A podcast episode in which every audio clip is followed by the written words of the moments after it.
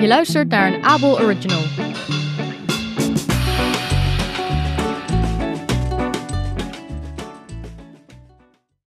Lisa op de woonboot.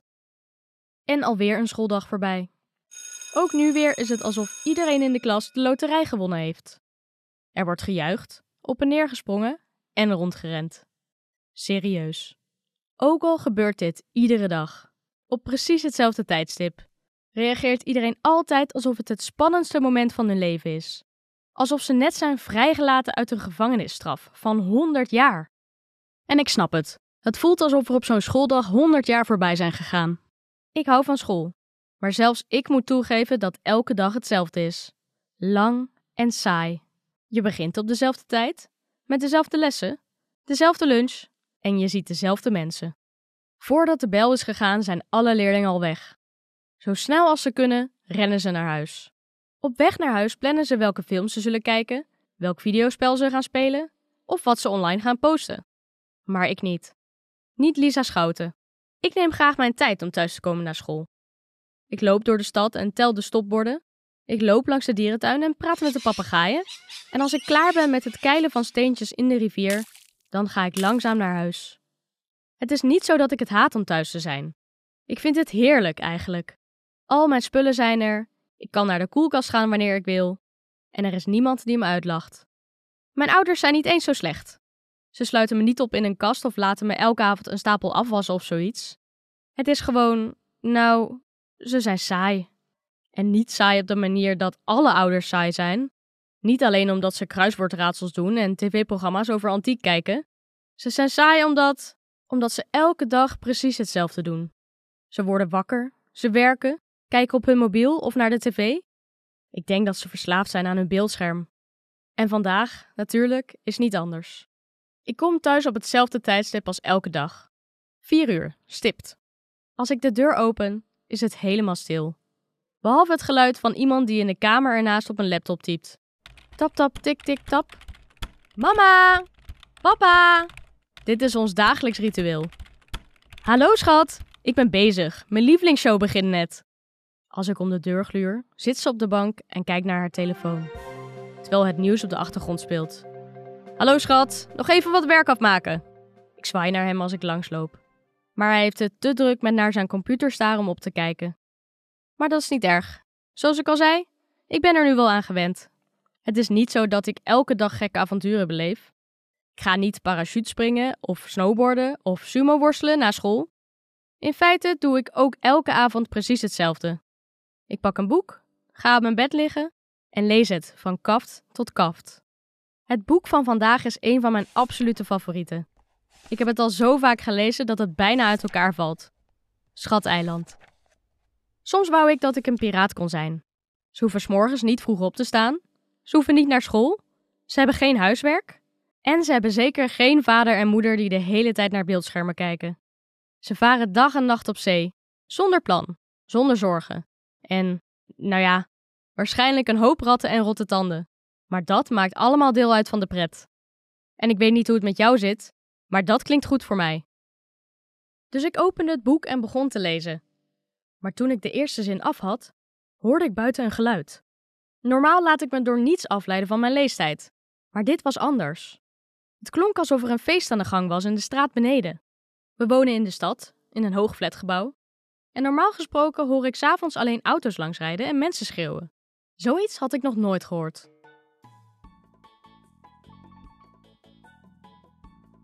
Toen ik opstond en uit mijn raam keek, viel mijn mond open. Het was niet alleen het eindeloze uitzicht van grijze gebouwen en grijze wegen en mensen die heen en weer naar hun werk gingen. Nee, deze keer waren er lichten. En niet alleen straatlantaarns of gewone lichtjes, maar betoverende lichten in alle kleuren gloeiden in de verte. Er was een stroom aan mensen, kinderen en hun ouders, tieners en groepen kinderen van school, die zich allemaal een weg baanden naar waar de lichten vandaan kwamen. Ik keek op ons prikbord met de wijkinformatie erop om te zien wat er aan de hand was en vond het meteen.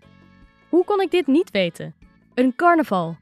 En niet zomaar een carnaval, maar één die over de hele lengte van het kanaal liep.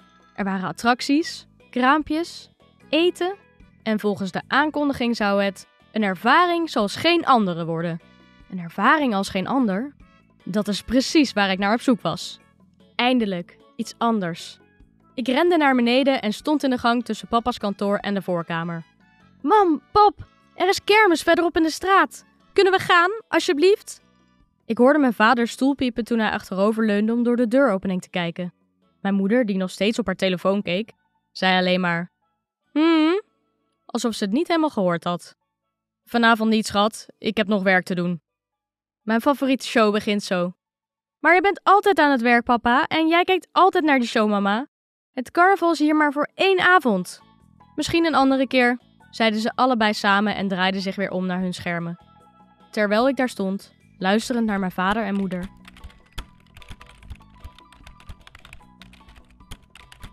Ik wist wat ik moest doen. Er was geen twijfel meer in mijn hoofd.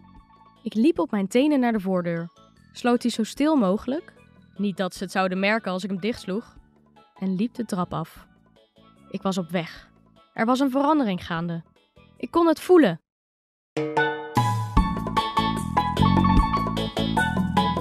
Toen ik in de zonneschijn liep, voelde het alsof ik de wet overtrad. Het was alsof ik plotseling alle vrijheid van de wereld had. Ik kon alle mensen nu duidelijk horen. Ze liepen gestaag naar het kanaal. Boven de gebouwen van de stad schenen de lichten als een regenboog over de flatgebouwen heen. Hoe dichterbij ik kwam, hoe helderder de lucht werd. En toen ik de hoek omsloeg om het pad naar het water te nemen, zag ik het dan. Recht voor me. Het carnaval, in al zijn glorie. En laat me je vertellen, het was alles waar ik op gehoopt had. Overal waar ik keek, speelden stralende mensen samen. Ze deden leuke spelletjes, er waren kraampjes met glinsterende lichtjes en iedereen leek glitterleggings aan te hebben. En er waren zoveel heerlijke geuren dat ik niet kon stoppen met watertanden. Mama en papa hadden geen idee wat ze misten. Ze hadden waarschijnlijk niet eens door dat ik weg was. Ze hadden waarschijnlijk niet eens van hun scherm opgekeken. Maar toen schoot me een andere gedachte te binnen. Wat als ze dat wel hadden? Wat als ze nu op weg hierheen waren? Wat als ze rechts achter me stonden? Klaar om me mee naar huis te nemen voor weer een saaie avond tv kijken tot bedtijd. Ik was niet van plan om dat te laten gebeuren. Draaiend op mijn hielen rende ik langs de kant van het kanaal, dieper het carnaval in, de familiegroepen ontwijkend tussen de kraampjes. Langs kinderen met ballonnen en langs. terug! Voor ik het wist, lag ik op de grond, mijn armen voor me uitgespreid. Ik keek achter me, maar daar was niets. Ik keek achterom en. Een natte tong baande zich een weg van onder mijn kin naar mijn voorhoofd en liet een spoor van plakkerig stinkend speeksel achter. Toen ik de smurrie uit mijn ogen had geveegd, zag ik de stomzinnige blik van een grote gouden labrador die naar me staarde. Hij hield zijn kop schuin, alsof hij mij een vraag stelde, en sprong een paar stappen voor me uit. Toen ik overeind kwam, veegde ik mijn t-shirt af en zag dat de hond nog steeds voor zich uitstaarde, alsof ze weg wilde rennen, maar niet wilde dat ik haar volgde. Waar kom je vandaan, meisje? Baby, hoor je? Zonder een moment te aarzelen rende ze weg. En natuurlijk rende ik haar achterna. We liepen door de menigte. De hond was een waas. En ik weet niet hoe ik haar kon bijhouden, maar op een een of andere manier lukte het me.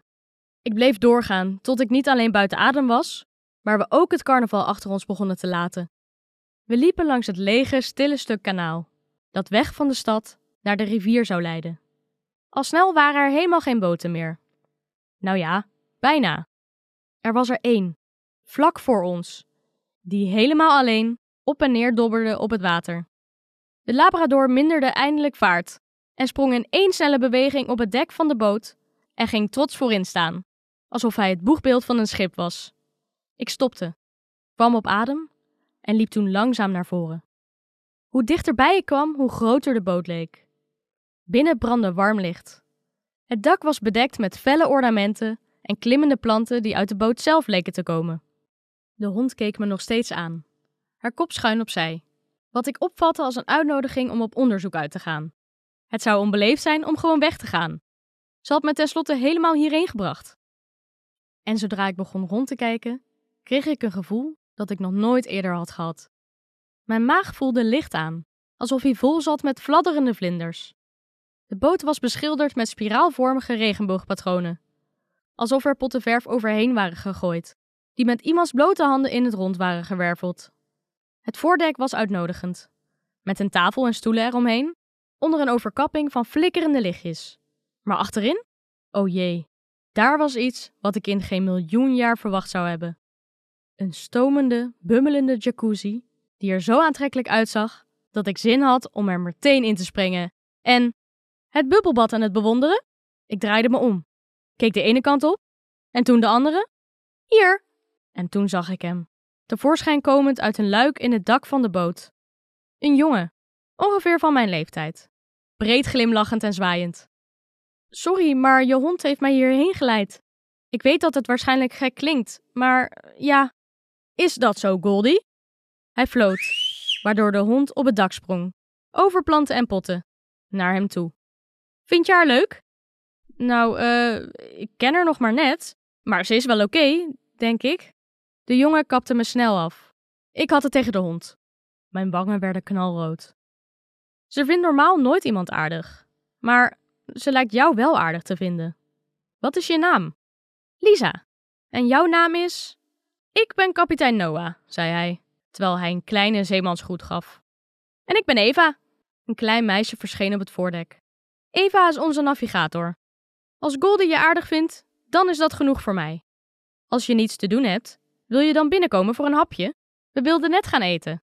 Ik zag zijn warme glimlach, zo open en uitnodigend, en ik was gefascineerd door Noah en zijn speelse brutale grijns. Goldie keek me opnieuw aan, met haar vastberaden, trouwe ogen. Nog voor ik het dek verder wilde betreden, wist ik dat ik hier veel tijd zou gaan doorbrengen. En ik had het niet verkeerd.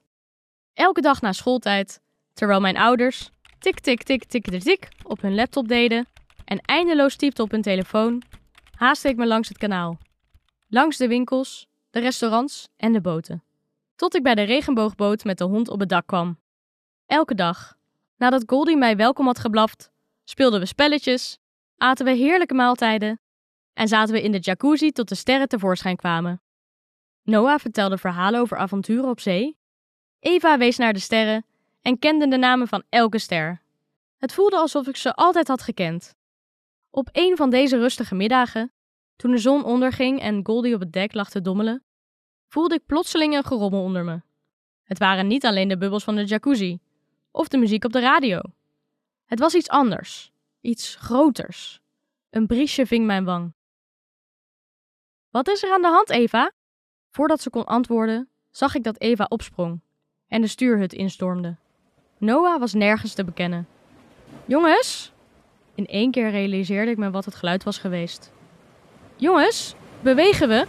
Alsof de boot gewacht had tot ik door had wat er aan de hand was, maakte hij snelheid en begon door het water van het kanaal te suisen. Hij voer de rivier af, recht op de zee af. Er is geen tijd om het uit te leggen, hoorde ik Noah schreeuwen.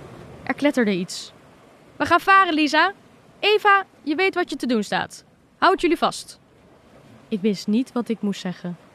Ik stond op, droogde me af, liep naar Goldie en ging naast haar zitten. Met mijn hand strak aan de reling. We keken naar de horizon. En met elke seconde kwam de zee dichterbij. Ik was niet in paniek. Ik voelde me niet bang. Ik voelde me eigenlijk helemaal niet slecht. Ik voelde me vrij. De enige gedachten die door mijn hoofd speelden toen de boot de ondergaande zon tegemoet voer, was: Betekent dit dat ik voor altijd op vakantie kan zijn? Ga ik eindelijk een piraat worden? Sta ik op het punt om een ervaring als geen ander te beleven? Eindelijk. Je luisterde naar een Abel Original.